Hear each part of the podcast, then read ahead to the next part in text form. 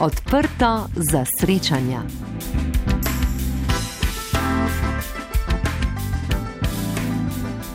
Dobro večer in dobrodošli v naši oddaji. Z vami sem Lea Širok, naša nocojšnja gostja pa je dr. Alenka Janko Šprajcer, socialna antropologinja in profesorica na Koperski fakulteti za humanistične študije. Študije etničnosti, nacionalizma, še posebej pa antropologija Romov, rasizem in anticiganizem so področja, s katerimi se znanstveno ukvarja. Je predstavnica slovenske delegacije v IHRI, Mednarodni zvezi za spomin na holokaust. No, nocoj bova osvetlili večplastne pomene, ki ga imata za romsko skupnost dva letošnja dogodka. Premjera kratkega dokumentarnega filma Prav Roma ali ponosni Romi režiserja Pabla Vege in Beneški umetnostni bienale. Dr. Linka Janko Šprajcer, dober večer torej. Dober večer vsem poslušalcem kar začniva najn pogovor, ki ga bova seveda namenili romski skupnosti. In sicer letos sta se zgodila dva pomembna dogodka. Januarja je mednarodno premjero doživel kratki film Prav Roma, ponosni Romi, režiserja Pabla Vege, ki ima podnaslov Manifesto of Love Against Hate ali Manifest ljubezni proti sovraštvu. No, drugi dogodek pa je Beneški bienale, na katerem sta letos kar dva paviljona namenjena romski skupnosti in od teh pol poljski v celoti romski umetnici. Bi lahko rekli, da se tako v romski skupnosti z gibanjem prav do Roma, pa tudi sicer v družbi dogajajo neki premiki glede tega, kako gledamo na to sicer zelo raznoliko manjšino, ki ji pravimo Romi. Ja, kar precej kompleksno vprašanje ste mi naslovili. Ja, ponosni Romi raznolika etnična skupnost, oziroma jaz rajškar govorim o številčnejših romskih skupnostih, uporabljam ime v množini. In moramo eh, se zavedati, da je v tem zadnjem obdobju 15 let prišlo med romskimi aktivisti in raziskovalci do velikih sprememb.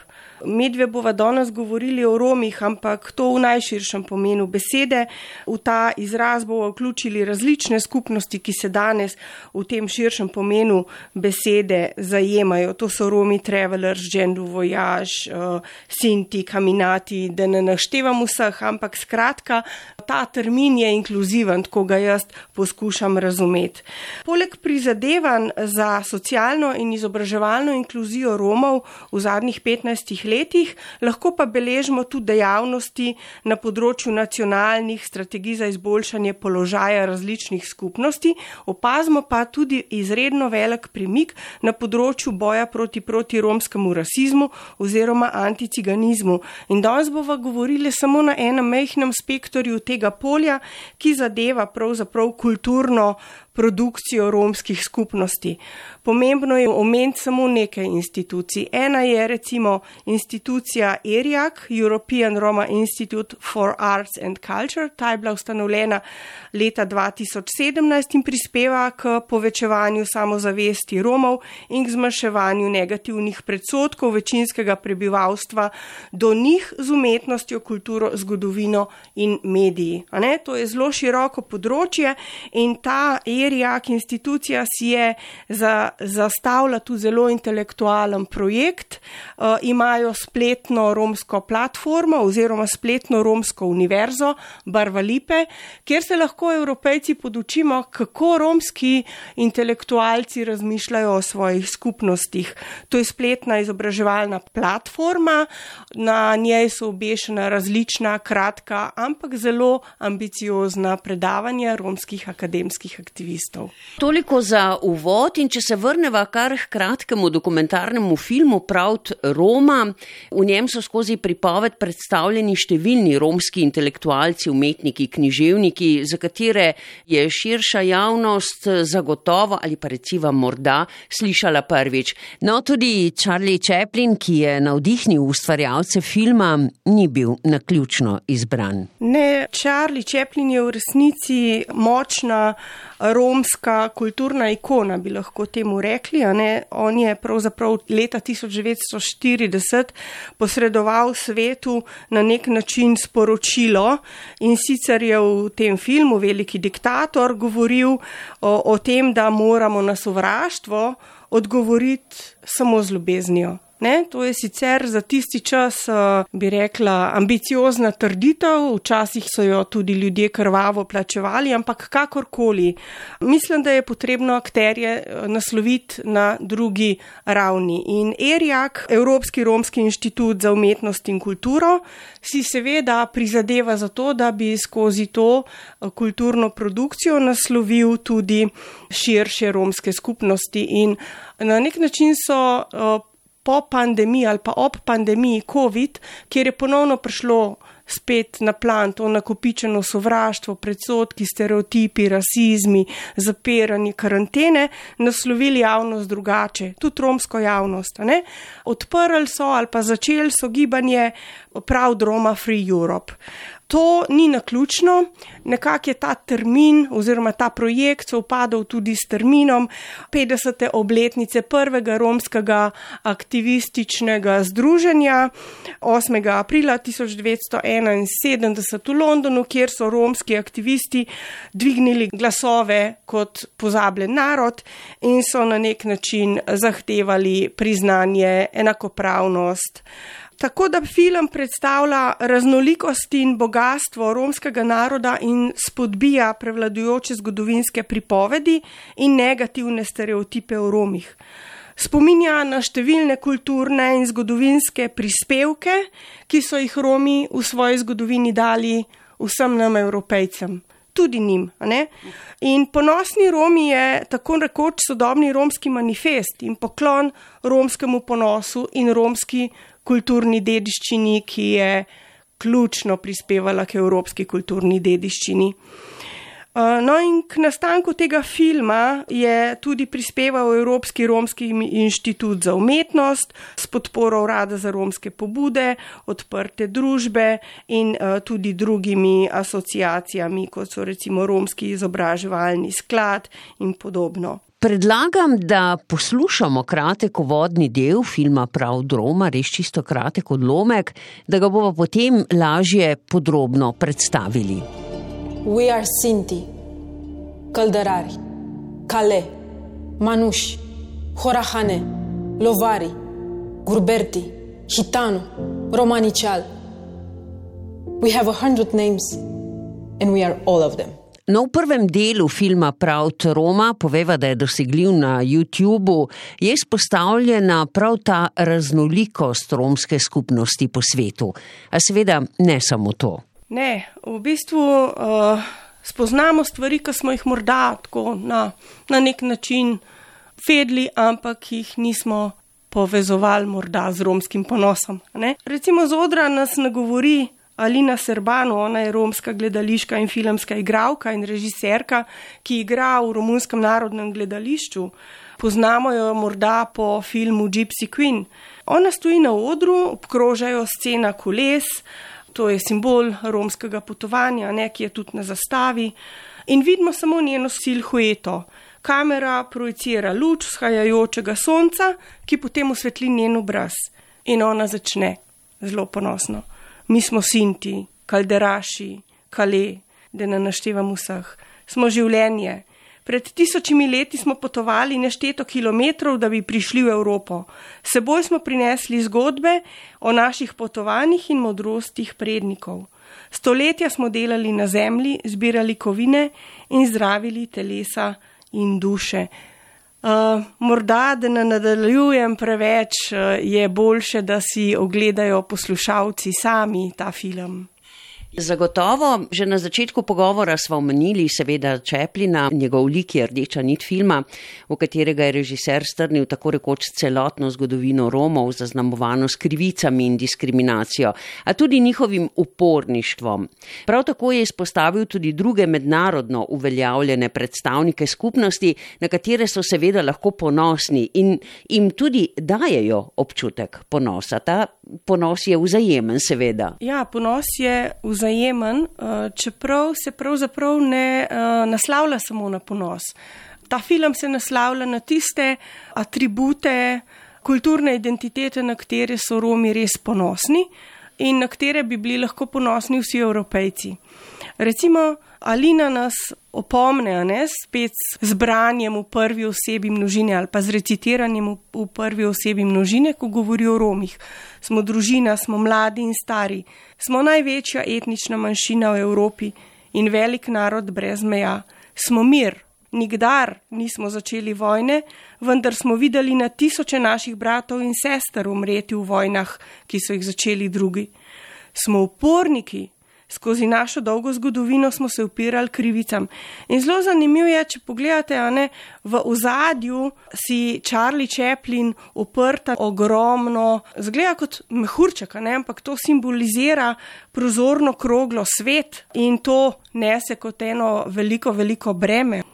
Skratka, tukaj se film potem nadaljuje in omeni recimo zgodovinske dogodke, kakršno je bilo romsko suženstvo v Romuniji, potem prisilne sterilizacije, potem oduzem otrok, mučenje, ubijanje in podobno. Ne? In tudi pove, da so še danes skupnosti segregirane, da se še danes požiga hiše, nekako da živijo na nek način, da doživljajo na nek način vedno znova isto ciklično usodo ki jo je potrebno zdaj kritično nasloviti. In ona potem nadaljuje: Mi smo pogum.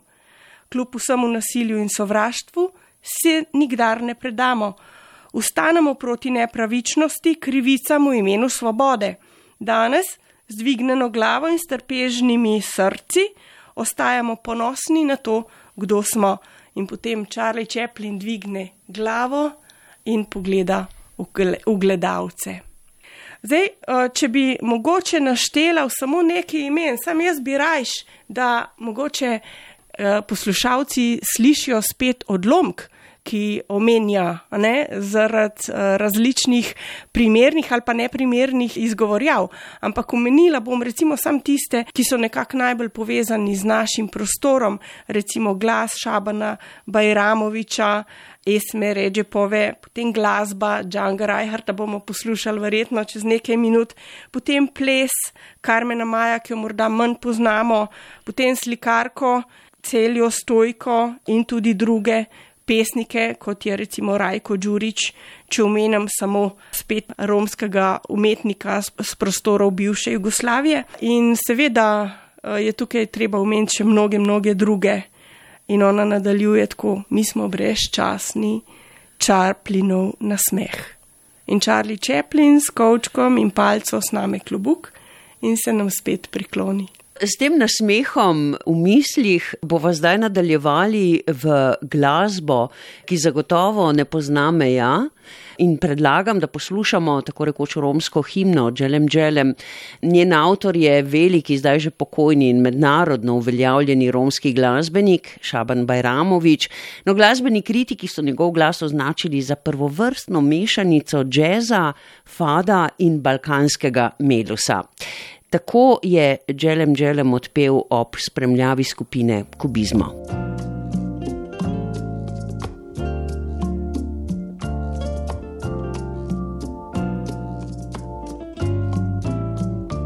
Dželem Dželem, lungo nedromeja.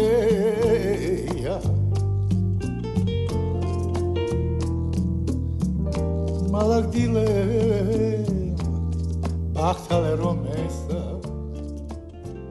Doktor Alenka Janko Šprajcer, še malo se bova ustavili pri filmu Prav Roma. No, v drugem delu tega filma je tudi poziv ne Romom, naj Rome podprejo v njihovi borbi za Evropo brez sovraštva in predsotkov, ne na zadnje Evropo, ki si jo vsi želimo. Ja, Alina nas naslavlja skozi, vse skozi implicitno, ampak na nek način lahko to razumemo tudi zelo neposredno. Recimo, vmes pravi, dovolj zahtevamo spoštovanje, da bo v svet vedel, kdo smo, naše pravo ime in našo zastavo, ki povezuje nebesa in zemljo. Potem nadaljuje tako, da se res počutimo naslovljeni, angažirani državljani Evrope, tisti, ki nam je dovolj sovraštva in delitev in rasizma takole nas povabi. Kličemo neromskim sestram in bratom, da se borijo skupaj z nami, kot smo se tudi mi borili skupaj z njimi, z ramo ob rami. Čarli nas povabi z gesto spet. Ona pa nadaljuje za Evropo, osvobojeno sovraštva, mi smo Evropa, to je naš trenutek. Pokažimo širnemu svetu, da smo ljubezen, kot je rekel Čeplin, veliki diktator ljubezni, živeti želimo v medsebojni sreči, ne v medsebojni revščini. Ljudje imajo moč narediti to življenje svobodno in lepo. Na to nadaljuje: Skupaj smo moč, uporabimo to moč in združimo se in borimo se za nov svet. Zato, kdor smo, smo ponosni Romi. In potem sklene roko na prsih in dvigne pest k glavi. Slika se potem ustav na sceni kovčkov in kovčki pokažejo projekcije različnih prizorov iz romskega vsakdanjega življenja. In najbolj segajoč v srce je pravzaprav prizor, ki zahtevajo, prizor protestov, ki zahtevajo pravico za Stanislava Tomaša, ki je bil uh, ubit oziroma ki je umrl med policijsko intervencijo in po uradnih interpretacijah ni šlo za kakršnokoli prekoračitev sile. Toliko torej o filmu Ponosni Romi, pravt Roma, ki si ga vsi lahko pogledamo na YouTubu, kot smo že povedali. Zdaj pa še k enemu letošnjemu dogodku, ki je prav tako pomemben z vidika uveljavljanja vidnosti romske skupnosti. To je mednarodna razstava umetnosti 59. Beneški bienale, ki je za širšo javnost z naslovom Mleko san vrata odprl 23. aprila. Lahko rečeva, da je Beneški bienale tokrat posebej izpostavil romske umetnike, vendar je bila bitka romske skupnosti do tega priznanja dolga in sploh ne samoumevna. Lahko bi rekli, da je ta boj za kulturno integracijo res trajal dolgo. To lahko ponazorimo z eno kratko kronologijo prizadevanj za možnosti razstavljanja na sodobnih kulturnih manifestacijah oziroma v sodobnih galerijah sodobne umetnosti in ne v nekih egzotičnih inštalacijah. Leto so Romi na Beneškem festivalu res prvič zastopani v dveh nacionalnih paviljonih, ki se usredinjajo na romsko izkušnjo prva romska umetnica, ki dejansko predstavlja Polsko, je zmagala prvič v 120-letni zgodovini Bienala na tak način, da je lahko pravzaprav bila vključena sama svojo produkcijo umetniško No, in ona si je v polski nacionalni paviljon pridobila vstop s svojim projektom Ponovno očaranje sveta na podlagi nacionalnega konkurza, ki je bil vstopnica za Beneški festival oziroma za Beneški bienale. In ta razstava Ponovno očaranje sveta je nekakšen manifest umetnice Malgoržate Mirga, ta so romski identiteti in umetnosti, ki črpa navdih iz astroloških fresk palače Skifanoja v Ferrari. In ta slikovna palača Mirge, ta instalacija 12 tekstili ogromnega formata, ki ustrezajo mesecev koledarja, nas popeljajo v romsko umetnost pomenijo pričevanje o zgodovini umetnosti s predstavitvami kulture Romov, ki je spet pač predstavljena kot največja romska manjšina. In umetnica je to palačo Skifanoja izbrala kot kraj in prispevek umetnostnega zgodovinarja Abija Warburga o posmrtnem življenju podob in uh, zodiakalna znamenja, dekanski sistemi, alegorije mesecev, cikličnost, selitev simbolov in skozi čas, ter skozi celine med Indijo, pa Perzijo, Malo Azijo, Staro Grčijo, Egiptom in Evropo postanejo vizualne in ideološke referenčne točke njene umetnine. Ta umetnina pokaže specifično polsko-romsko ljudsko zgodovinsko izkušnjo. Teh panojev je 12, razdeljeni so na tri pasove. In prvi pas, zgornji pas, prikazuje zgodbo o mitskem potovanju Romov v Evropo. Ta temelji na seriji grafik Žaka Kajoja iz 17. stoletja in njegove podobe umetnica dekolonizira, se pravi, jih postavi na romski način, na način, kot bi jih postavil romski umetnik oziroma romska umetnica. Srednji pas je potem nek afektivni arhiv romskih zgodb, ki združuje podobe resničnih žensk z magijo in astrologijo. Ne, to je na nek način vedno bilo videnje v evropskem imaginariju Romov in Romin in številni so resnično na ta način prakticirali in zaslužili za svoje preživetje. Spodnji pas pa prikazuje vsakdanje življenje umetničinega domačega kraja Črna Gora in drugih romskih naselij v polskih Tatrah. Naslov ponovno očaranje eh, sveta pod tem naslovom je združila eh, svoja dela. Kaj moramo spet uh, očarati? Na kaj se nanaša naslov? Ja, nekako tudi v umetnosti poskušajo um, Romi reciklirati neke že videne podobe ali pa že uporabljene zadeve. In simbolično je pravzaprav se avtorica tukaj zgledovala po knjigi Silvije Federici Reenchanting the World, Feminism and the Commons. In ona se je pridružila ideji avtorice, ki trdi, da je treba ponovno vzpostaviti idejo skupnosti in obnoviti odnose z drugimi, vključno z nečloveškimi akteri, se pravi z vsemi bitji, s katerimi si delimo svet, živalmi, rastlinami, vodo, gorami.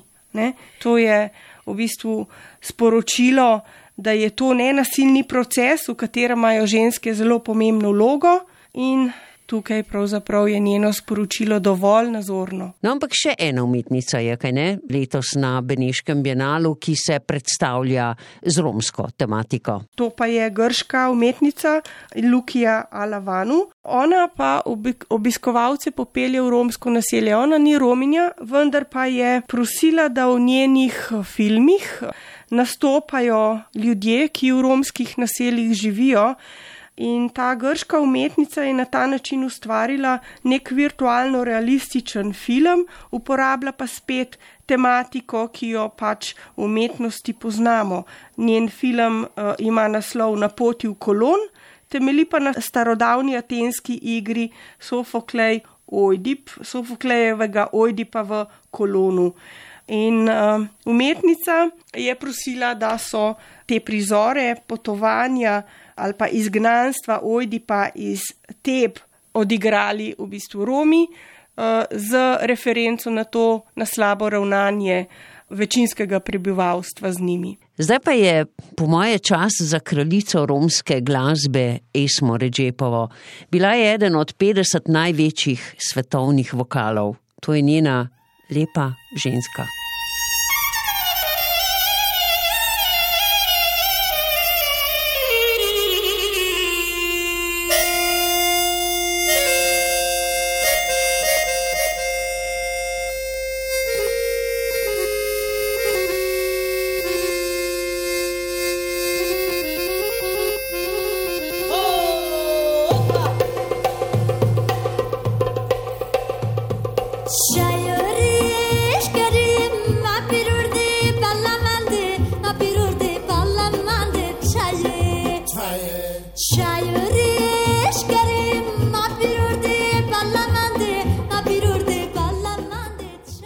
Vsa prizadevanja, o katerih sva govorili, eh, da se uvrstijo tudi na umetniške dogodke, predstavljajo tudi boj za kulturno integracijo Romov.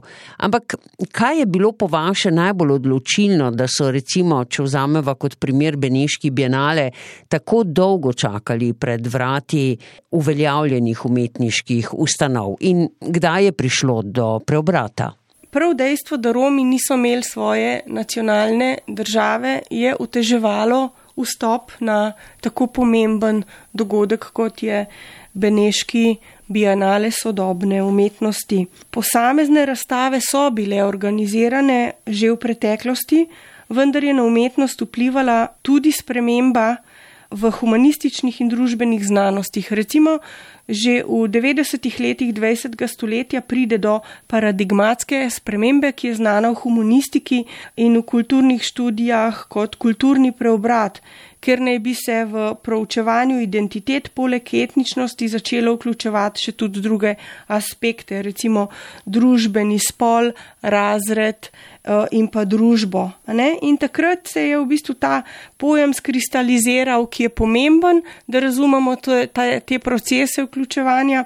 To je pojem kulturne demokracije, ko so se civilna družbena gibanja uh, prizadevala, da bi se romsko kulturo vključili v neke mainstream institucije. Ne? Nažalost smo v Sloveniji zato zvedeli morda letos iz medijev ali pa morda kakšni eksperti eh, te zadeve poznajo, ampak eh, kulturna inkluzija Romov v Evropi do nedavnega sploh ni bila prioriteta.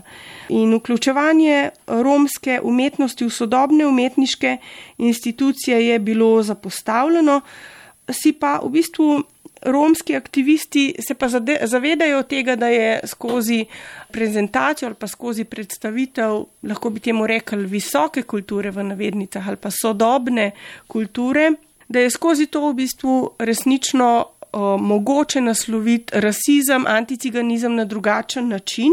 Tako da so si za romsko inkluzijo ali pa romsko kulturno inkluzijo prizadevali bi lahko rekla, več kot 15 let. Na Beneškem festivalu so sicer prvič bili prisotni leta 2007, predtem pa na posameznih kulturnih dogodkih in recimo 2004 je en tak dogodek bil v Budimpešti, je, ko so v bistvu sodobne umetniške galerije Romom odprla vrata in je nek etnološki muzej, ne, ki ima simbolen pomen ne predstavljaš neke skupnosti kot outsiderje, eksotične pripadnike neke druge umetnosti. Ne? No, če se vrnem na prvo prisotnost na Bienale. Leta 2007 v okviru 52. Beneškega bienala sodobne umetnosti so imeli svoj romski paviljon, ki pa je bil v bistvu stranski dogodek, ni bil del tega umetniškega dogodka. Razstava je imela naslov Izgubljeni raj. Kuratorica je bila Timeja Junghaus. Ona je uh, v svojem delu predstavila 16 odličnih romskih umetnikov iz osmih evropskih držav in izhajala je iz evropske zastopanosti Romov, predstavljala pa je v bistvu tudi transnacionalno sodobno vizijo razmišljanja o izkušnji Romov. Poveva, da prav ta prva romska razstava, ki je bila stranski dogodek Beneškega bienala, je pomembna zaradi svojega sporočila. Timeja Junghaus je namreč izpostavila pravično upodobitev Romov. Kaj je to pravična upodobitev Romov? Ja, kuratorca je izpostavila, da večinoma evropejci vidijo le tiste Rome, ki so iz različnih razlogov pristali v takšni situaciji, da se ne uspejo prebiti iz marginaliziranega položaja. In uh, te ljudi bi na nek način lahko poimenovali podrazred. Ne? Marginalizirani in getoizirani posamezniki na to utrjujejo splošno podobo javnosti evropejcev o Romih. In upozorila je, da so pravzaprav te podobe nepravične, da so Romi veliko, veliko več kot zgolj. To. Opozorila je, da so bile pred Beneškim festivalom tudi druge razstave sodobne umetnosti, prirejene v okviru etnografskih muzejev, kar je sodobni umetnosti Romov vedno dajalo pridih nekega egzoticizma ali pa neke tuje civilizacije. Namen prvega romskega paviljona je bil torej predstaviti sodobne romske umetnike takšnemu občinstvu, ki si ga ti umetniki zaslužijo. In potem poveva, da se je leta 2019 zgodila Futuroma, ki je na nek način vzpostavila negirano prihodnost Romov. Ja, ta Futuroma je bila resnično prelomna in zelo velik privilegij je, da je takrat že bila ustanovljena institucija ERIAK, tako da si lahko tudi to pogledamo. Obstaja kratek video spot, kuratorja Daniela Bakerja. Ta Futuroma je spet bila odprta v okviru tokrat 58. Beneškega bienala sodobne umetnosti, opirala pa se je na vidike afrofuturizma, iz katerega je črpala navdih za raziskovanje vloge romske sodobne umetnosti pri definiranju, refleksiji in vplivanju na romsko kulturo. Afrofuturizem je kulturna estetika, filozofija znanosti in filozofija zgodovine ki raziskuje razvijajoče prešečišče kulture afriške diaspore, znanosti in tehnologije. In ta Futuroma je ponudila nove in spontane reinterpretacije romske preteklosti, sedanjosti in prihodnosti prek spajanja tradicionalnega in futurističnega. Usmerjena je bila na kritiko trenutnih razmer Romov in zahtevala je ponovno proučevanje zgodovinskih dogodkov romska telesa si je zamišljala tudi v neki prihodnosti, kar je pravzaprav ponudilo neko nasprotje reduktivnim načinom razumevanja in oblikovanja romske kulture, s čimer se je naš kulturni izraz potem premaknil onkraj omejevalnih motivov zatiranja k radikalni in progresivni viziji prihodnosti Romov. Naš seveda mislim v tem smislu romski izraz, ali pa izraz romskih umetnikov. No, in pravzaprav je zanimivo pri Futuromi gledati to, kako so romska umetniška dela zakoreninjena v nekih tradicijah romske diaspore, hkrat pa odločno usmerjena v prihodnost, tako da se v bistvu dotikajo tudi dejansko spominjanja, domišljanja, ki se potem manifestirajo v umetniških delih, ki kažejo neke ambiciozne vizije prihodnosti ki jih potrjuje življenje, hkrati pa v bistvu omogočajo tudi ponovno interpretiranje preteklosti naše kolektivne uh, ali pa naše skupne evropske zgodovine. In k tej se bomo vrnili v zadnjem delu najnega pogovora. Zdaj pa poslušajmo francoza sinskih korenin, Žana oziroma Džanga Reinhardta. Eh, Django velja za enega najboljših kitaristov vseh časov in prvega pomembnega evropskega jazz glasbenika, ki je največ prispeval k jazzovskemu slogu igranja na kitaro. Njegovo izjemno zanimivo življenje je v filmu Django upodobil režiser Etienne Komar. Leta 2017 pa so z njim njim odprli Berlinski filmski festival. To je Django Reinhardt.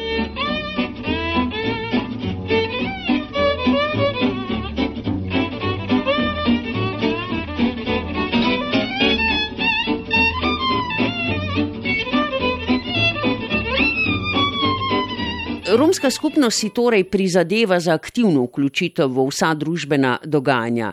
Želi se izviti iz uloge žrtve preganjanja skupnosti.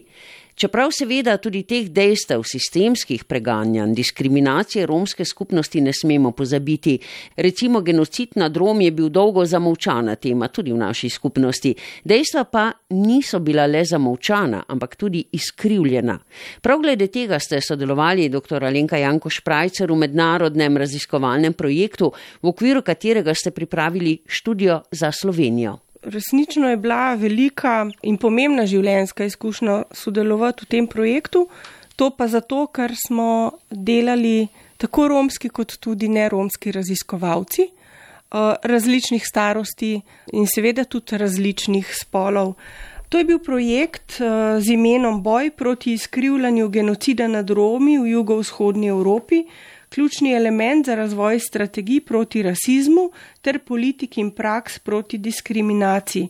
To je bil skupni projekt dveh večjih institucij, Auschwitz Institute for the Prevention of the Genocide and Mass Atrocities in FBX Centra za zdravje in človekove pravice pri Univerzi Harvard. Eh, študija je potekala v enajstih državah jugovzhodne Evrope in moja naloga je bila, kot ste že omenjali, narediti študijo primera za Slovenijo. Mi smo v tem raziskovalnem projektu delali primerjalno, primerjali smo skupne vzorce izkrivljanja genocida nad Romi in Sinti v enajstih državah jugovzhodne Evrope. Študij primerov je zajemal Albanijo, Bolgarijo, nekdanje jugoslovanske države, Grčijo in Romunijo. To je bila mednarodna interdisciplinarna skupina raziskovalcev pri tem angažirana in proučili smo tudi pravne okvire, javne razprave, prakse ohranjanja spomina na genocid nad Romi, izobraževalne pobude, da bi se recimo našli neki skupni vzorci izkrivljanja genocida. Posebno pozornost smo namenili tudi odsotnosti ohranjanju spomina na genocid v preteklosti in pa tudi te potencijalne posledice, ki pravzaprav imajo za posledico povečano pojavnost nasilja proti Romom. Pri študiji so sodelovali vaši študenti, med njimi Leon Sršen in Sara Vukotič. Pa poslušava najprej, kaj je bilo njihovo delo in kaj so odkrili. Pravzaprav, kaj jim je raziskava, ki je bila na nek način pionirska, prinesla. Naša predpostavka je bila, da bomo verjetno zelo malo marginalnih podatkov našli, ampak smo pa kljub temu lahko rečemo v pari urah naleteli na ene podatke, ki smo jih že prej videli v drugih znanstvenih monografijah in tudi ene, ki prej niso bili zapisani. Romi v tistem obdobju seveda nismo iskali pod to ključno besedo, ker je bil dru drugi izraz cigan in seveda smo dosti krat morali le po primkah iskati, ker torej mogli smo se nanašati na naše lastne presodke. Aha, ta oseba se piše Brajdič, Brajdič je tukaj uh, romski primek in smo pol morali ugotoviti, a se tukaj gre za osebo, ki se je takrat identificirala kot Rom, ali je pa to le spet naš neka predpostavka, predsodek in tega se morajo mi raziskovalci dobro zavedati, da imamo mi lastne presodke, niso to tisti eksplicitni, ampak oni implicitni ker še zmeraj smo odraščali v tej družbi, ki je seveda pogojno protiromska. Ja, jaz bi vam rada omenila, da smo poleg brskanja po dokumentih v arhivu Slovenije, ko je že Leon omenil, tudi brskali po digitalnih arhivih in po internetu iskali dokumente, ki bi nam lahko bili koristni. Ne. E, to smo delali z namenom, da bi v digitalnih arhivih našli dokumente, ki se nanašajo na slovenske oziroma romske žrtve iz druge svetovne vojne. Poleg tega smo zbiranjem podatkov o romskih žrtvah druge svetovne vojne tudi se naučili e, veliko o tem, na kak način brskamo po arhivskih dokumentih in je to nam kot študentom antropologije omogočilo različne upoglede, predvsem v to, na kak način prihaja do tega raziskovalnega dela v okviru nekak velikega projekta.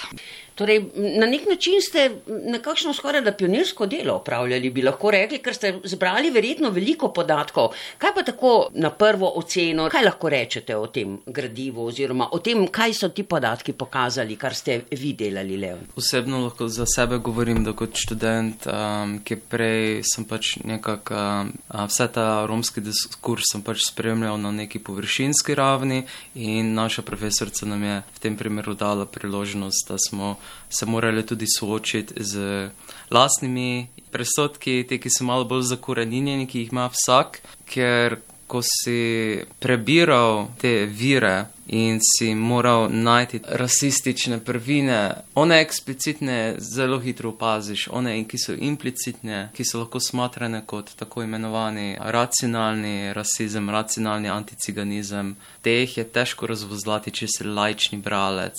In tega se moraš zavedati, ker je včasih že samo ena besedna zveza, ena beseda, ki tako po sebi ni sporna, je neutralna, ampak je lahko še zmeraj nadaljuje antiromsko sentiment, antiromsko stališče. Torej, da se nadaljujejo naprej ti stereotipi, ampak na bolj lepši način izražen. In to delajo znanstveniki, raziskovalci, novinari. Ampak zakaj pa se to dogaja, po vaše? Zato, ker večina od nas se v to zadevo ne ne poglobi, je diskurs potem.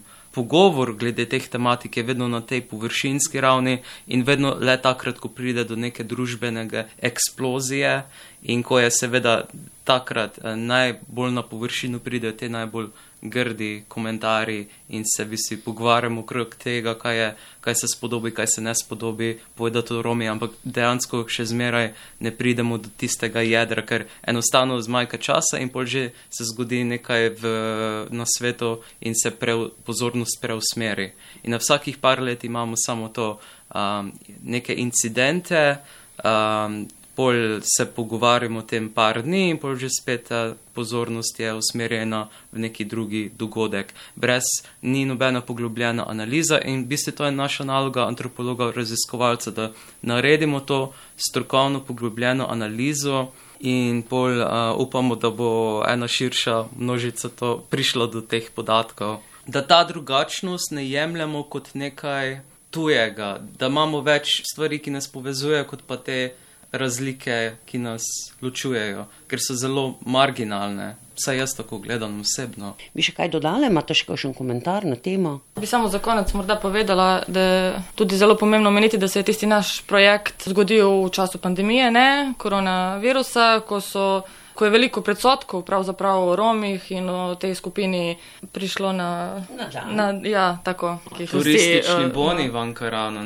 Ja, sem takrat ravno delal na recepciji in sem, seveda, jaz sem tudi pač imel stik z določenimi gosti, ki pač niso verjetno gosti, ki si bi marsikateri hotelir želel, ampak uh, vseeno so to pač gosti. Turistični boni so bili ta oportuniteta, ki so pripadali vsem, tudi tistim, ki prej niso imeli navade mlade, da hodijo na počitnice in so imeli prvič to izkušnjo, ne poznajo teh nepisanih pravil, kako se obnašati na destinaciji, in pol seveda pride do nekega trka. In ja, pol seveda analiza takih dogodkov, kot je bila v Ankaranu spet, je na senzacionalistični ravni. Kaki mediji, kot so regional, slovenska novice, bodo to izkoristili se, za la, svoj lasten profit, torej je udaren članek z udarnim naslovom, ljudje bodo tisto prebrali, se zgražali, ne, kako spet, kaj si pa oni dovolijo, ne, dobijo, a živijo zastojno, to so neki presodki, kaj ljudi imajo, ampak seveda s tem, kako mi poročamo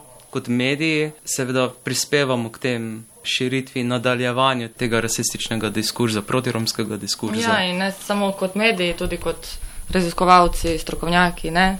na vseh ravnih je pomembno, da se zavedamo tistih predsotkov.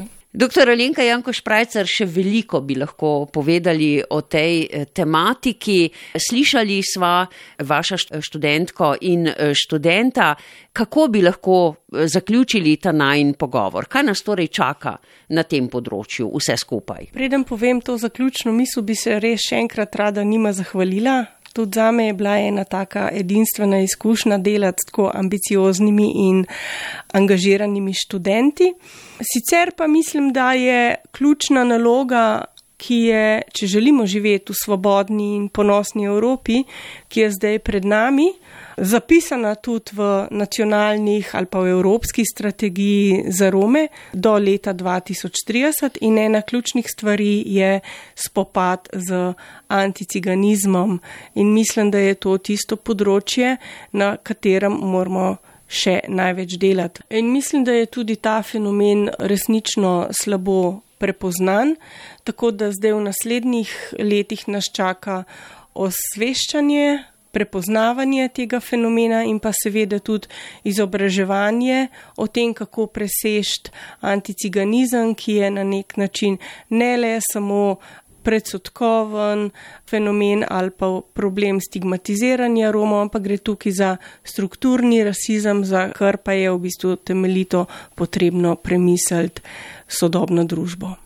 Tukaj bomo zaključili pogovor. Seveda sem prepričana, da boste tudi sami, dr. Alenka Janko Šprajcer, še veliko prispevali k temu, eh, da eh, bo eh, ta strukturni rasizem postal bolj prepoznaven in da se bomo z njim znali vsi skupaj bolje soočati.